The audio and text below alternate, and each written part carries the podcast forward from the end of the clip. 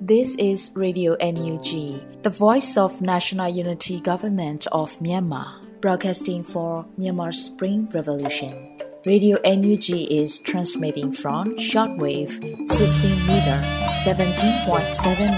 MHz at 8:30 a.m. and 25 meter 11.94 MHz at 8:30 p.m. Myanmar Standard Time. မင်္ဂလာပါရှင်။ မြို့သားညီညွတ်ရေးအစိုးရရဲ့အတန်လွှင့်ဌာန Radio NUG ကိုမနက်ပိုင်း၈နာရီခွဲမှာလိုင်းတူ16မီတာ19.89 MHz ညပိုင်း၈နာရီခွဲမှာလိုင်းတူ25မီတာ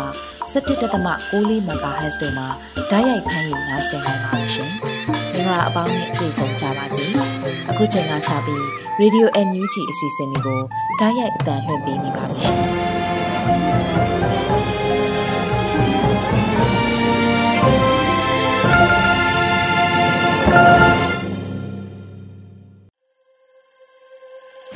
မြန်မာနိုင်ငံသူနိုင်ငံသားအပေါင်းတဘာဝပြီးဆရာနာရှင်တို့ကနေကင်းဝေးပြီးကိုစိတ်နှပါပေးကင်းလုံးကြုံကြပါစေလို့ရေဒီယိုအန်ယူဂျီဖွယ်သားများကဆုတောင်းမြတ်တာပို့သလာရပါတယ်ရှင်။အခုချိန်ကစပြီးကာကွယ်ရေးဝန်ကြီးဌာနရဲ့စီးရီးသတင်းချင်းချုပ်ကိုတော့ Sordes လူမျိုးမှဖတ်ကြားတင်ပြပေးပါရမရှင်။မင်္ဂလာပါ။အမျိုးသားညီညွတ်ရေးဆိုရာကာကွယ်ရေးဝန်ကြီးဌာနမှထုတ်ဝေတဲ့နေ့စဉ်စီးရီးသတင်းချင်းချုပ်များကိုစတင်တင်ပြပေးပါမယ်။သတင်းများအရ စစ်ကောင်စီတပ်သား9ဦးသေဆုံးပြီးဒဏ်ရာရရှိသူရေအတွက်ကိုတော့စုံစမ်းဆဲဖြစ်ကြောင်းသိရှိရပါတယ်ခင်ဗျာစစ်ကောင်စီနဲ့တိုက်ပွဲဖြစ်ပွားမှုများမှာချင်းပြည်နယ်တွင်အော်တိုဘာလ18ရက်နေ့ည8နာရီခန့်ကမင်းတပ်မြို့နယ်မင်းတပ်မြို့မိခင်နဲ့ကလေးရုံနာရှိအစိုးရအဆောက်အုံတွင်တပ်ဆွဲထားသောစစ်ကောင်စီတပ်သားများကိုတေဇပြောက်ကြားတပ်ဖွဲ့မှဘုံသီးများလက်နက်ငယ်များဖြင့်အလစ်အငိုက်တိုက်ခိုက်ခဲ့ပြီးစစ်ကောင်စီတပ်သားများကြာဆုံးနေခြင်းကိုစုံစမ်းဆဲဖြစ်ကြောင်းသတင်းရရှိပါရခင်ဗျာ။စကိုင်းတိုင်းတွင် အော်တိုဘာလ18ရက်နေ့မနက်9:33ခန်းကခင်ဦးမြို့နယ်တွင်လက်နက်နှင့်ရိတ်ခါပို့ဆောင်သောရင်နှန်းကိုတွားကြိုသည့်စစ်ကောင်စီစစ်ကြောင်းကိုခင်ဦး Special Force Organization KSO မှလမ်းမိုင်းတနေရာတွင်မိုင်းဆွဲတိုက်ခိုက်ခဲ့ရာစစ်ကောင်စီတပ်သားများနှင့်ပြူစောတိများ၏ရန်တမ်းပစ်ခတ်မှုကြောင့်အသက်50အရွယ်မျိုးသမီးတဦးထိမှန်တရားရရှိခဲ့ပြီးစစ်ကောင်စီတပ်သားအထိကအသေးဆုံးကိုစုံစမ်းနေဆဲဖြစ်ကြောင်းသိရရှိပါရခင်ဗျာ။ အောက်တိုဘာလ16ရက်နေ့မနက်9:30ခန်းကဒဇယ်မြို့နယ်ဝရငယ်ရွာအနောက်မူးပေါင်တရားကိုစစ်ကောင်စီတပ်များဖျက်ဆီးလာချိန်ဒေသခံကာကွယ်ရေးတပ်များထောင်ထားသောတိုင်မိုင်းနေမိခဲ့ပါသည်။မူးပေါင်နောက်ဖက်တွင်ပြည်သူ့ကာကွယ်ရေးအဖွဲ့ဒဇယ်ပြည်သူ့ကာကွယ်ရေးတပ်မတော်တရင်6တရင်25 TPC တရင်10တို့နှင့်ပထမအကြိမ်ထိတွေ့တိုက်ပွဲဖြစ်ပွားခဲ့ပြီးအော်တိုဘာလ16ရက်နေ့မနက်7:00နာရီအချိန်စစ်ကောင်စီတပ်များချောင်းရွာသို့ဦးတည်လာချိန်တွင်ရွာအဝင်၌ ဒုတိယအကြိမ်ထိတွေ့တိုက်ပွဲဖြစ်ပွားခဲ့ရာရှော့တုံးများဖြင့်လည်းပြန်လည်ပစ်ခတ်ခဲ့ကြောင်းသတင်းရရှိပါရခင်ဗျာအော်တိုဘာလ16ရက်နေ့ညနေပိုင်းကမုံရွာမြို့နယ်ဘိုးဘွားရိပ်သာတောင်ဘက်တွင် Golden Eagle မုံရွာအဖွဲ့မှမိုင်းထောင်နေချိန်စစ်ကောင်စီတပ်ဖွဲ့ဝင်များကင်းလှည့်ချိန်နှင့်ထိတ်တိုက်တိုးသောကြောင့်အပြန်အလှန်ပစ်ခတ်မှုဖြစ်ပွားခဲ့ပြီးစစ်ကောင်စီတပ်သားတအူးသေဆုံး၍မိမိတို့ဘက်မှအဝေးထိန်းပစ္စည်းနှင့်မိုင်းများဆုံးရှုံးခဲ့ကြောင်းသိရရှိပါရခင်ဗျာမကွေးတိုင်းတွင်အော်တိုဘာလ16ရက်နေ့ည8နာရီခန့်က နတ်မောင်မြို့နယ်လဲဘူးအုပ်စုတပုတ်ပင်ကျွော်ဝင်းကျင်တွင်အရဲဝတ်နှင့်ဂရိန်းကားပါသောစစ်ကောင်စီ20ခန်းဟာစစ်ကြောင်းထိုးနေခဲ့ပြီးတပုတ်ပင်ကျွော်မှဖတ်တော်ရေကျွော်သို့စစ်ကောင်စီ9ဦးခန့်လာရောက်ခဲ့ရာလမ်းမိုင်းတနေရာတွင်နတ်မောက်မြို့အခြေစိုက်ဒေသကာကွယ်ရေးတပ်ဖွဲ့ဖြစ်သောဂလုံပြည်သူ့ကာကွယ်ရေးတပ်ဖွဲ့မှဓားဖြင့်ဝင်ရောက်တိုက်ခိုက်ခဲ့ရာစစ်ကောင်စီတပ်သား၄ဦးခန့်သေဆုံး၍ဒေသခံကာကွယ်ရေးတပ်ဖွဲ့ဝင်ရဲဘော်2ဦးထိခိုက်ဒဏ်ရာရရှိခဲ့ပြီးစစ်ကောင်စီထံမှလက်နက်အရှိ2လက်ရရှိခဲ့ကြောင်းသိရရှိပါရခင်ဗျာ။ ပဲခူးတိုင်းတွင် အော်တိုဘာလ18ရက်နေ့မနက်၈နာရီခန့်ကကြောက်တရားမြို့နယ်ရန်ကုန်မန္တလေးအမြန်လန်မိုင်983ရှိရဲစခန်းကိုအမည်မသိလက်နက်ကင်တစ်ဖွဲ့မှဝင်ရောက်ပစ်ခတ်ခဲ့ကြောင်းတင်ပြရှိပါရခင်ဗျာစစ်ကောင်စီကျူးလွန်သောရာဇဝတ်မှုများမှာရခိုင်ပြည်နယ်တွင်အော်တိုဘာလ18ရက်နေ့နေ့လယ်တနာရီခန့်ကမင်းပြမြို့နယ်မင်းပြမြို့အခြေဆိုင်ခမရ309 383ည941တရင်3ရင်တို့ကလက်နက်ကြီးကြီးများဖြင့်ရန်တမ်းပစ်ခတ်မှုကြောင့် ဖလောင်းမြင့်ကျေးရွာမှဒေသခံ2ဦးမင်းပြားမြို့နယ်ဘူးပင်ကျေးရွာမှဦးနုလှအောင်အသက်50ကျော်ကိုမောင်တန်းတေအသက်25နှစ်ကိုမောင်တောင်းတေအသက်26နှစ်တို့3ဦးထိခိုက်ဒဏ်ရာရရှိခဲ့ကြောင်းသတင်းရရှိပါရခင်ဗျာစကိုင်းတိုင်းတွင်အော်တိုဘာလ16ရက်နေ့မနက်7:40ခန့်ကဗမောက်မြို့နယ်ကော်တာကျေးရွာနှင့်မန်ကတ်ကျေးရွာနေတဝိုက်သို့ဂျက်ဖိုက်တာနှစ်စီးဖြင့်ဘုံကျဲတိုက်ခိုက်ခဲ့ကြောင်းသတင်းရရှိပါရခင်ဗျာ အော်တိုဘာလ16ရက်နေ့နေ့လယ်3နာရီခန့်ကဝက်လက်မြို့နယ်တက်စိန်ကြီးကျေးရွာကိုစစ်ကောင်စီတပ်ဖွဲ့မှလက်နက်ကြီးများဖြင့်ပစ်ခတ်၍ဝင်ရောက်လာခဲ့ပြီးကျေးရွာတွင်ရှိနေအိမ်များကိုမိရှုဖျက်ဆီးခဲ့သောကြောင့်နေအိမ်34လုံးမိလောင်ပျက်စီးခဲ့ကြောင်းသတင်းရရှိပါရခင်ဗျာအော်တိုဘာလ16ရက်နေ့နေ့လယ်ပိုင်းကကလေးမြို့နယ်တွင်ဆိုင်ရှင်ဖြစ်သူဖမ်းဆီးခံထားရပြီးချိတ်ပိတ်ခံထားရသောကာဗာဂိန်းဖုန်းအပိုပစ္စည်းဆိုင်မှပစ္စည်းများကိုစစ်ကောင်စီတပ်သားများမှပြည်내အိတ်ဖြစ်ထည့်၍ကားနှစ်စီးဖြင့်ခိုးယူသွားကြောင်းသတင်းရရှိပါရခင်ဗျာ မကွေးတိုင်းတွင်အော်တိုဘာလ16ရက်နေ့မနက်9:00နာရီခန့်ကမကွေးမြို့နယ်မကွေးမြို့ပြည်တော်သာလမ်းမပေါ်တွင်ဆိုင်ကယ်စီးလာသောမျိုးသား2ဦးအားမကွေးရဲတပ်ဖွဲ့မှပစ်ခတ်ဖမ်းဆီးခဲ့ရာအမျိုးသား2ဦးထိခိုက်ဒဏ်ရာရရှိခဲ့ပြီးတဦးစိုးရင်ရကတဦးမှာလက်မောင်းဒဏ်ရာရရှိခဲ့ကြောင်းသတင်းရရှိပါရခင်ဗျာရန်ကုန်တိုင်းတွင်အော်တိုဘာလ18ရက်နေ့ကအင်းစိန်မြို့နယ်အင်းစိန်တောင်တွင်အကျဉ်းချခံနေရသောနိုင်ငံရေးကျင်းသားများကိုအကျဉ်းထောင်လူမိုင်းများနှင့်တန်းစီများကမိန်လာထန့်ခိုင်းရာ နိုင်ငံရေးကျင်းသားများမှညှဉ်းဆန်သောကြောင့်ရိုက်နှက်ခံနေရကြောင်းသတင်းရရှိပါရခင်ဗျာယခုဖော်ပြပါသတင်းများကိုမြေပြင်သတင်းတာဝန်ခံများနဲ့သတင်းဌာနများမှဖော်ပြလာသောအချက်အလက်များပေါ်ခြေခံပြုစုထားခြင်းဖြစ်ပါတယ်ကျွန်တော်စောတဲလူနေပါ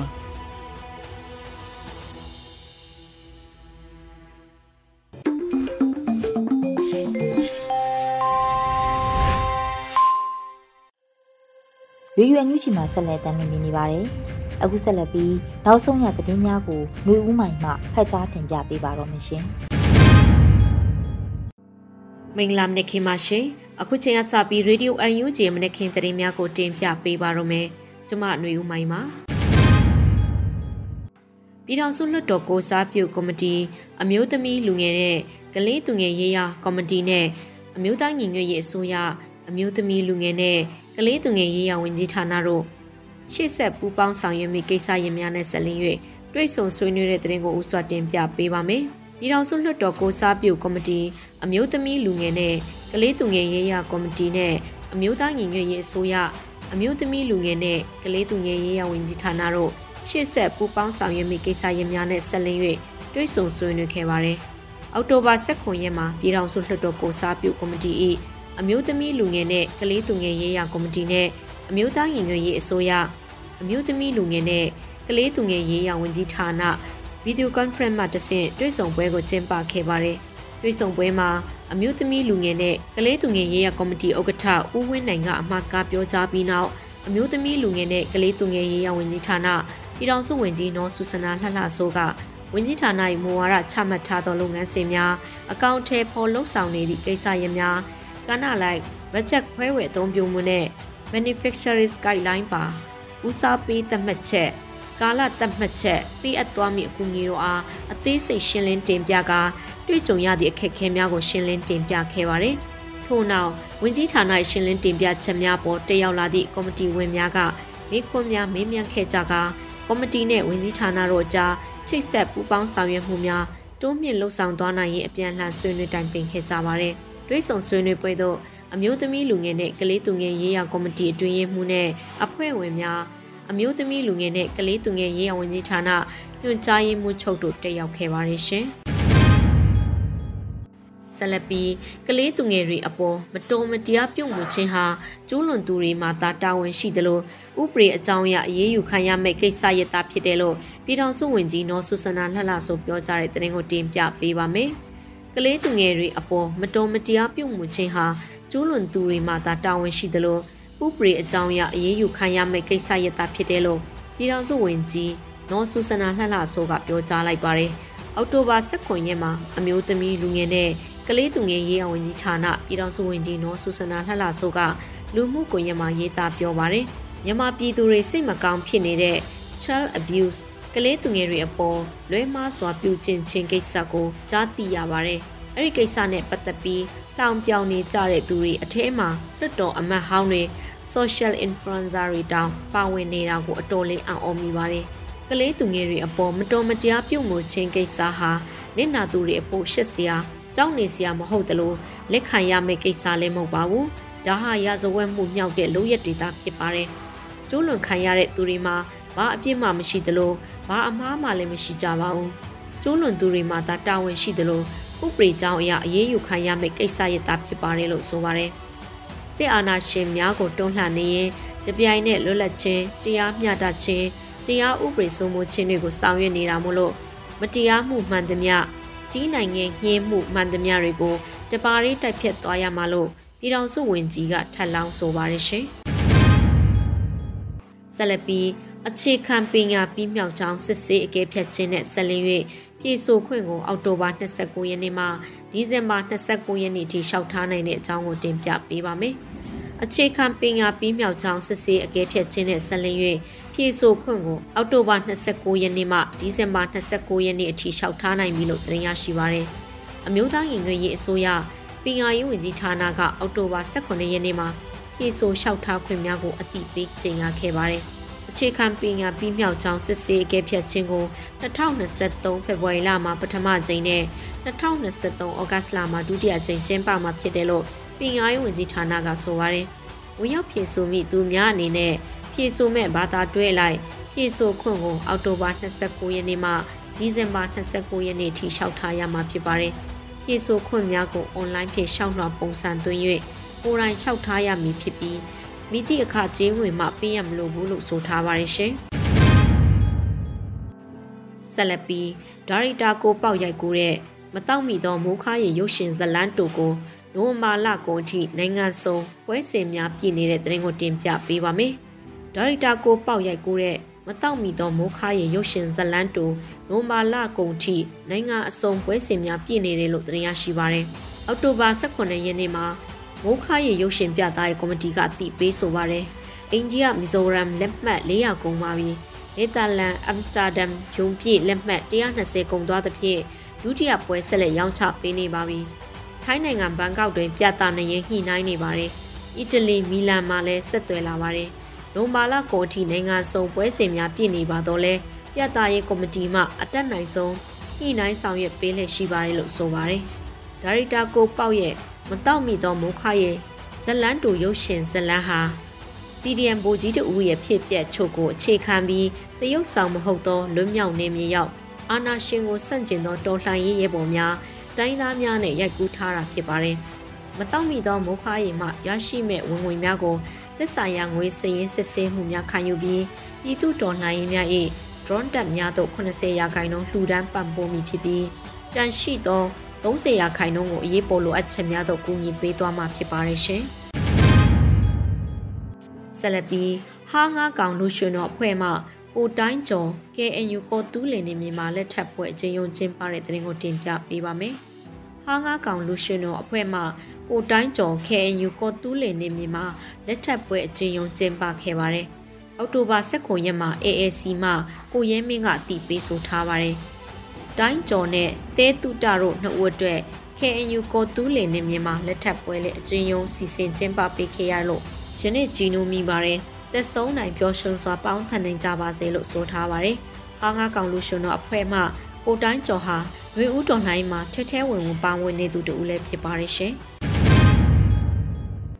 ဆက်လက်ပြီးစကိုင်းတိုင်းအမတ်ဒေါ်တန့်ဝေကျော်ရဲ့ကလေးမျိုးကမိဘနေအိမ်ကိုစစ်ကောင်စီတပ်နဲ့ရဲများကဖောက်ထွင်းဝင်ရောက်၍ ရှိသမျှပစ္စည်းများအကုန်ခိုးယူတဲ့တဲ့ကိုတင်ပြပေးပါမယ်။စကိုင်းတိုင်းအမတ်ဒေါ်တန်ဝင်ကျော်ရဲ့ကလေးမျိုးကမိသားစုနေကိုစစ်ကောင်စီတပ်နဲ့ရဲများကဖောက်ထွင်းဝင်ရောက်၍ရှိသမျှပစ္စည်းများအကုန်ခိုးယူသွားခဲ့လို့ဆိုပါတယ်။အောက်တိုဘာ19ရက်မှာစကိုင်းတိုင်းအမတ်ဒေါ်တန်ဝင်ကျော်ကတီးပြုဆိုထားပါတယ်။ကလေးမျိုးဘိုးချုံလန်းကချိတ်ပိတ်ခံထားရတဲ့ကျမမိဘများနဲ့ကျမတို့မိသားစုအတူနေအိမ်ကိုရဲနဲ့စစ်ကောင်စီတပ်များရှိသမျှပစ္စည်းတွေအကုန်လာခိုးတည်သွားကြတယ်။ နောက်တစ်နေ့မှာအရှိမှာထားတဲ့ကုတ်ကိုသားစပွဲအစ်စ်ကို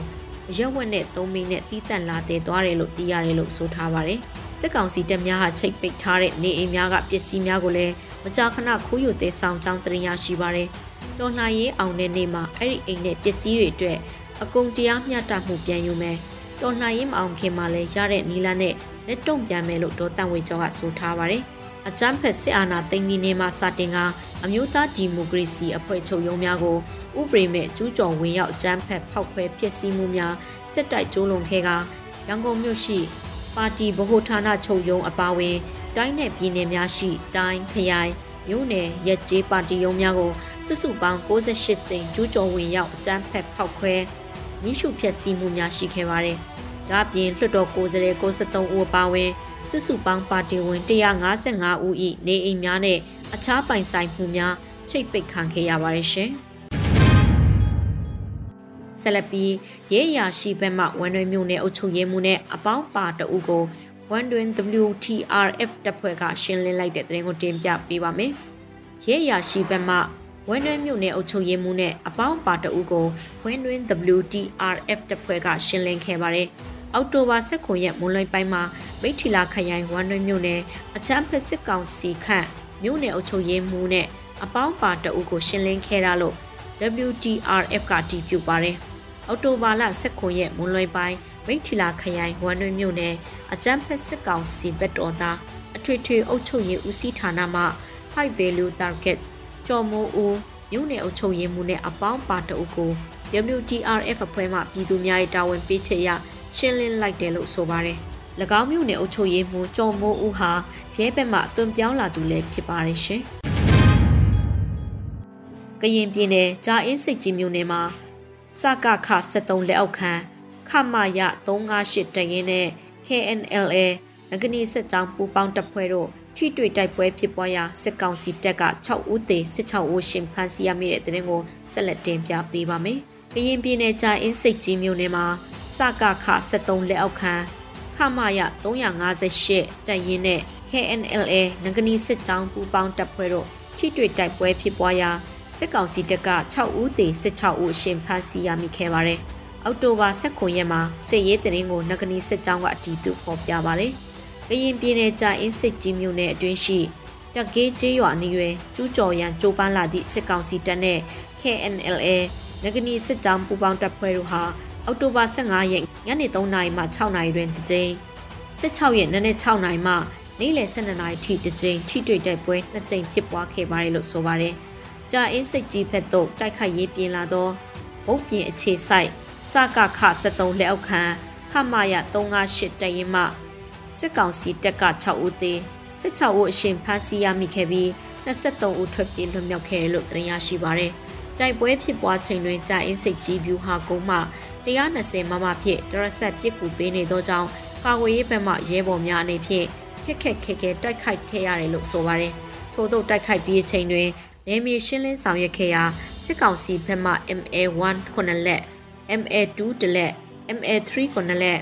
MA4 နှစ်လက်60မမကွန်မန်ဒိုပြောင်းတလက်5.56 G 1300လက်ပြက်ပုံ9လုံး ကပ္ပစထုတ်6မမပစ္စတိုတလက်60မမ G တလုံး RPG 7အတီးနှလုံး G box အပေါ်28ခုစကားပြောဆက်3လုံးစစ်သွေးရေးအထိုင်ဆက်တစ်လုံးနဲ့အခြားစစ်ဘက်30ရာစစ်ဆက်ပစ္စည်းများကိုတင်စီရမိခဲ့ပါတယ်ရှင်။အခုတင်ပြပေးခဲ့တဲ့သတင်းတွေကိုတော့ Radio UNG သတင်းထောင်မင်းမင်းကပေးပို့ထားတာဖြစ်ပါတယ်ရှင်။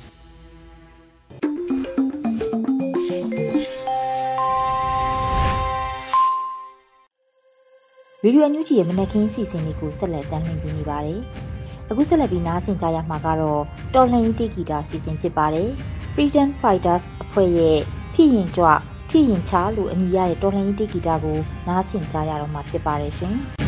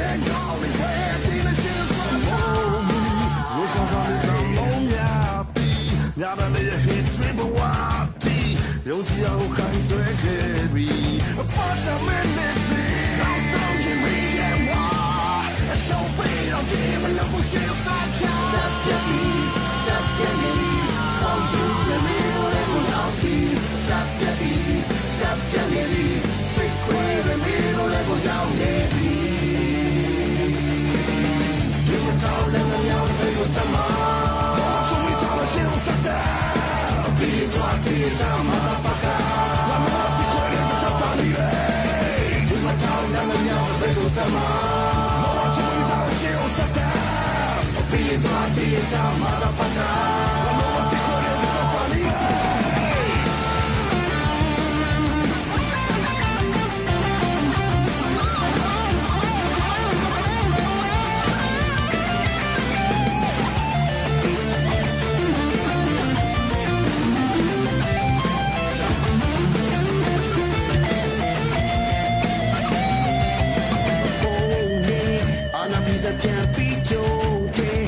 ကိုရှာပြီးဝိုးတယ်နေခနေတဲ့တိမ်ပြသွားပြီ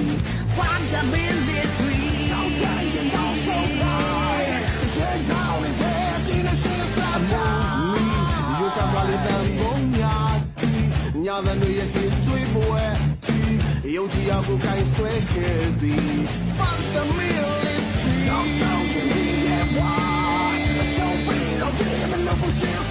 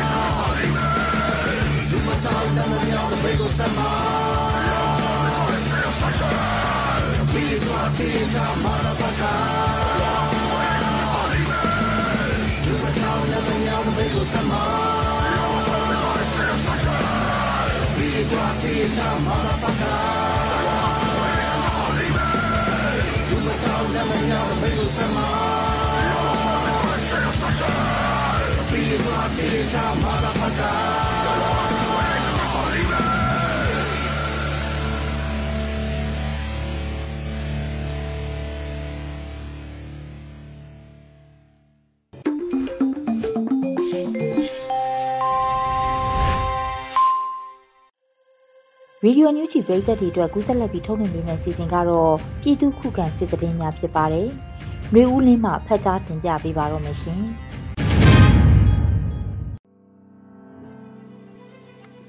ပထမဦးစွာမြောက်ဝတီဝေါ်လီဘတ်စစ်ကူတော့ပူပြီးပြန်လာတဲ့အကြမ်းဖက်စစ်ကောင်စီတပ်ကိုနဂနီစစ်ကြောင်းကကြားဖြတ်တိုက်ခတ်ခဲ့ပြီးတုံမန်းများစွာဖမ်းမိတဲ့တဲ့ရင်ကိုတင်ဆက်ပါမယ်။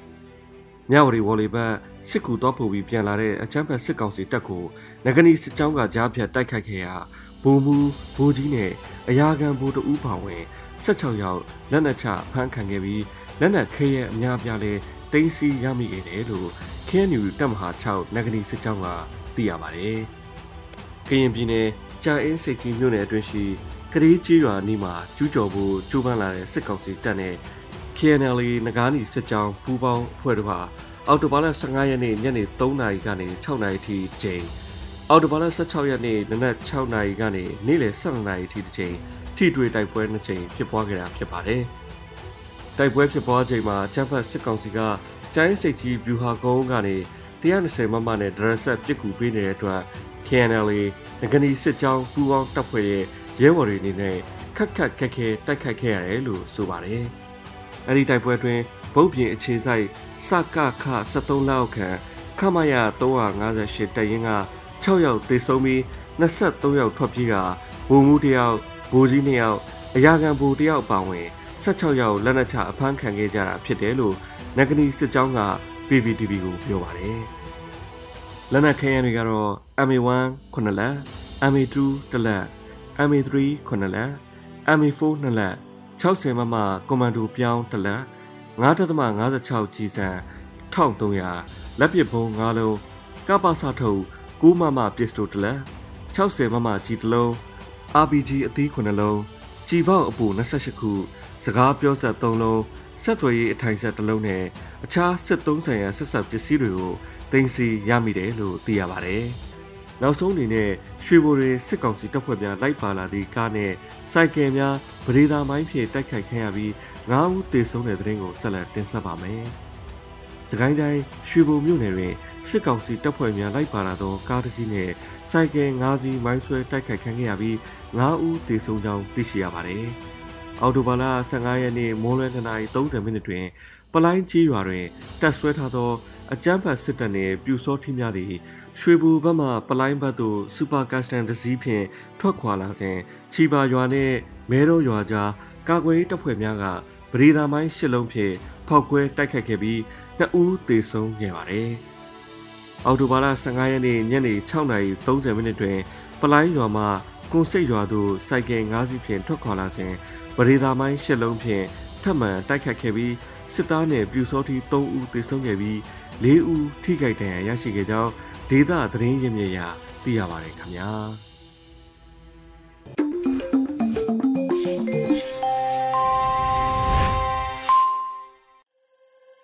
ရေဒီယိုအန်ယူဂျီမှာဆက်လက်တင်ပြနေပါတယ်။အခုတစ်ခါ PPTV ရဲ့နေ့စဉ်သတင်းများကိုထက်ထက်အင်ဒရာအောင်မှဖတ်ကြားတင်ပြပေးပါရမရှင်။ အခုချိန်ကစပြီး PPTV သတင်းတွေကိုတင်ဆက်ပြီးတော့မှာပါ။ကျွန်မထက်ထက်အင်ဒရာအောင်ပါ။ပထမဆုံးတင်ဆက်ပေးမှာကတော့ထူးစစ်စင်ရေးတပ်ဖွဲ့ SOF ရဲ့တပ်ဖွဲ့စတင်တီထောင်တဲ့တနစ်ပြည့်အခမ်းအနားပြုလုပ်ခဲ့တာကိုပြည်ထောင်စုနဲ့လူမှုကြီးကြပ်ရေးဝန်ကြီးဌာနကသတင်းထုတ်ပြန်လိုက်တဲ့သတင်းမှာ အမျိုးသားညီညွတ်ရေးအစိုးရပြည်ထောင်နဲ့လူဝင်မှုကြီးကြပ်ရေးဝန်ကြီးဌာနတောင်ပိုင်းစစ်ဒေသကွက်ကရေးအထူးစစ်စင်ရေးတပ်ဖွဲ့တပ်ဖွဲ့စတင်တည်ထောင်ခြင်းတစ်နှစ်ပြည့်အခမ်းအနားကို2022ခုနှစ်ဇူလိုင်လ19ရက်နေ့မှာ KNU တပ်မဟာ6နယ်မြေဒေါနာအနောက်ချမ်းမှာရှိတဲ့ SOF ဌာနချုပ်ရုံးမှာကျင်းပခဲ့တယ်လို့ပြည်ထောင်နဲ့လူဝင်မှုကြီးကြပ်ရေးဝန်ကြီးဌာနကထုတ်ပြန်ပါတယ်။အခမ်းအနားကိုတောင်ပိုင်းတိုင်းစစ်ဒေသကွက်ကရေးအဖွဲ့စစ်စင်ရေးဌာနတာဝန်ခံစစ်စင်ရေးချုပ်စိတ်သက်စစ်စင်ရေးဌာနတာဝန်ခံ လေ့ကျင့်ရေးဌာနမှတောင်ပိုင်းစစ်စင်ရေးရုံးဌာနမှထောက်ပို့အဖွဲ့ဝင်တွေနဲ့ SOF တပ်ဖွဲ့ဝင်တွေတက်ရောက်ခဲ့ကြပါတယ်။အဲ့ဒီအခမ်းအနားမှာပြည်ထောင်နဲ့လူမှုကြီးကြပ်ရေးဝန်ကြီးဌာနပြည်ထောင်စုဝန်ကြီးဦးလွင်ကိုလက်တဝန်လွှာအားဖတ်ကြားတာစစ်စင်ရေးချုပ်ကအဖွင့်အမှားစကားပြောကြတာတောင်ပိုင်းစစ်ဒေသစစ်စင်ရေးရုံတာဝန်ရှိသူတွေကတော်လှန်ရေးရှိလုပ်ငန်းစဉ်နဲ့ရဲဘော်တွေကိုအားပေးစကားပြောကြတာတွေပြုလုပ်ခဲ့ပြီးဂုဏ်ပြုငွေပေးအပ်ခဲ့ပါတယ်။ SOF တပ်ဖွဲ့ကို2021ခုနှစ်ဇွန်လ19ရက်နေ့မှာစတင်ဖွဲ့စည်းခဲ့တာဖြစ်ပြီးတော့ပြည်သူ့ခုခံတော်လှန်စစ်တစ်နှစ်ပြည့်တဲ့အထိမြို့ပြစစ်စင်ရေးဖြစ်တဲ့ပြန်လွှားအောင်စစ်စင်ရေးနန်းထိုင်အောင်စစ်စင်ရေးနဲ့ကျေးလက်စစ်စင်ရေးတာဝန်တွေကိုတောင်ပိုင်းစစ်ဒေသကုတ်ကဲရေးအဖွဲ့ရဲ့တိုက်ရိုက်တာဝန်ပေးအပ်မှုနဲ့ရန်ကုန်ပဲခူးအေရဝတီမော်ကရင်တရင်သာရီစစ်ဒေသကွဲနယ်မြေတွေမှာအောင်မြင်မှုတွေရရှိတဲ့အထိရဲဝံ့စွန့်စားစွာနဲ့ကြိုးပမ်းဆောင်ရွက်ခဲ့ကြတယ်လို့ဆိုပါတယ်။ တပ်ဖွဲ့ရဲ့ဆောင်ရွက်ချက်တွေအားလုံးကိုတစ်နှစ်ပြည့်တဲ့အချိန်အထိလျှို့ဝှက်စွာဆောင်ရွက်ခဲ့ကြပြီးအဲ့ဒီစစ်စင်ရေးဆောင်ရွက်ချက်တွေကိုအလင်းတင်တယ်လို့ပြည်သူတွေစီကိုအစီရင်ခံသွားမှာဖြစ်တယ်လို့လည်းအသိပေးထားတာကိုတွေ့ရပါတယ်။ဆလာတင်ဆက်ပေးမှာကတော့ချင်းပြည်နယ်အတွင်းမှာပြည်သူ့အုပ်ချုပ်ရေးအဖွဲ့ရဲ့တရားစီရင်ရေးဌာနကတစ်နှစ်အတွင်းအမှုပေါင်း120ကျော်ကိုအပိပြက်စစ်ဆေးထားတယ်ဆိုတဲ့သတင်းမှာ ချင်းပြည်နယ်မင်းတပ်မြို့နယ်အတွင်းမှာမင်းတပ်မြို့ပြည်သူ့အုပ်ချုပ်ရေးအဖွဲ့ရဲ့တရားစီရင်ရေးဌာနကတနစ်အတွင်းအမှုပေါင်း120ကျော်ကိုအပြည့်ပြည့်စစ်ဆေးထားပါတယ်။မင်းတပ်မြို့ပြည်သူ့အုပ်ချုပ်ရေးအဖွဲ့အတွင်ရေးမှူးကအောက်ခြေအဆင့်မှာချင်းတလိထုံစံနဲ့ဖြည့်ရှင်တဲ့လူတက်မှုလိုမျိုးအချင်းချင်းမပြေလေတာမျိုးတင်းခံနေတာမျိုးကြရင်မြို့နယ်တရားစီရင်ရေးစီတက်လာတယ်။မြို့နယ်တရားစီရင်ရေးနဲ့ရဲတပ်ဖွဲ့တို့ပူးပေါင်းပြီးတော့တပ်တွေစုဆောင်ပြီးအမှုတွေတိစောက်တယ်။ ရာဇသက်ကြီးဥပဒေတွေနဲ့ပြစ်ဒဏ်ချအရေးယူတယ်လို့ပြောကြားထားပါတယ်။မင်းတပ်မြို့နယ်အတွင်းမှာတိုက်နယ်၉ခုရှိပြီးတော့တိုက်နယ်အလိုက်ချင်းတလေးတွေနဲ့ဖြည့်ရှင်တာတရားစီရင်တာတွေလှုပ်ဆောင်ပြီးတော့အဲ့ဒီမှာမပြေလည်တဲ့အမှုတွေကိုမင်းတပ်မြို့နယ်ပြည်သူ့အုပ်ချုပ်ရေးအဖွဲ့ရဲ့တရားစီရင်ဌာနကဆုံးဖြတ်ခဲ့တာဖြစ်တယ်လို့ဆိုပါတယ်။တရားစီရင်ရေးမှာလည်းပြစ်မှုကြီးတစ်ခုကိုမြို့နယ်အဆင့်ကချမှတ်ထားပြီးတော့ပြည်ထောင်စုအဆင့်ကိုပို့ဆောင်ကအစစ်စစ်စစ်ဆေးမှုတွေထပ်မံလှုပ်ဆောင်မှာဖြစ်တယ်လို့ထုတ်ပြန်ချက်မှာဖော်ပြထားပါတယ်။ မင်းတပ်မြို့နယ်ပြည်သူ့အုပ်ချုပ်ရေးအဖွဲ့ကအမျိုးသားညီညွတ်ရေးအစိုးရနဲ့ဂျာကာလာချင်းအမျိုးသားအတိုင်းအမြံကောင်စီ ICNCC နဲ့လည်းချိတ်ဆက်ဆောင်ရွက်နေတာဖြစ်ပါတယ်။ကျေးဇူးတင်ပါတယ်ရှင်။ဒီကနေ့ကတော့ဒီညနဲ့ပဲ Radio NUG ရဲ့အစီအစဉ်လေးကိုခਿੱတရနာလိုက်ပါမယ်ရှင်။ မြမစံတော်ချိန်မနက်၈နာရီခွဲနဲ့ည၈နာရီခွဲအချိန်တွေမှာပြန်လည်ဆုံတွေ့ကြပါစို့။ Radio NUG ကိုမနက်ပိုင်း၈နာရီခွဲမှာလိုင်းတူ16မီတာ19.8 MHz ညပိုင်း8နာရီခွဲမှာလိုင်းတူ25မီတာ17.6 MHz တို့မှာဓာတ်ရိုက်ဖမ်းလို့နိုင်စေနိုင်ပါပြီ။မြန်မာနိုင်ငံသူနိုင်ငံသားတွေကိုစိတ်နှပြစမ်းမချမ်းသာလို့ဘေးကင်းလုံခြုံကြပါစေလို့ Radio NUG အဖွဲ့သူဖွဲ့သားတွေကဆုတောင်းမြတ်တာပို့တာလိုက်ရပါတယ်ရှင်။အ မျိုးသားညီညွတ်ရေးအစိုးရရဲ့စက်သွေးရေးသတင်းအချက်အလက်နဲ့လူပညာဝန်ကြီးဌာနကထုတ်လွှင့်နေတဲ့ Radio NUG ဖြစ်ပါတယ်။ San Francisco Bay Area အခြေစိုက်မြန်မာမိသားစုတွေနဲ့နိုင်ငံတကာကစေတနာရှင်လို့အားပေးနေတဲ့ Radio NUG ဖြစ်ပါတယ်။အရေးတော်ပုံအောင်ရမည်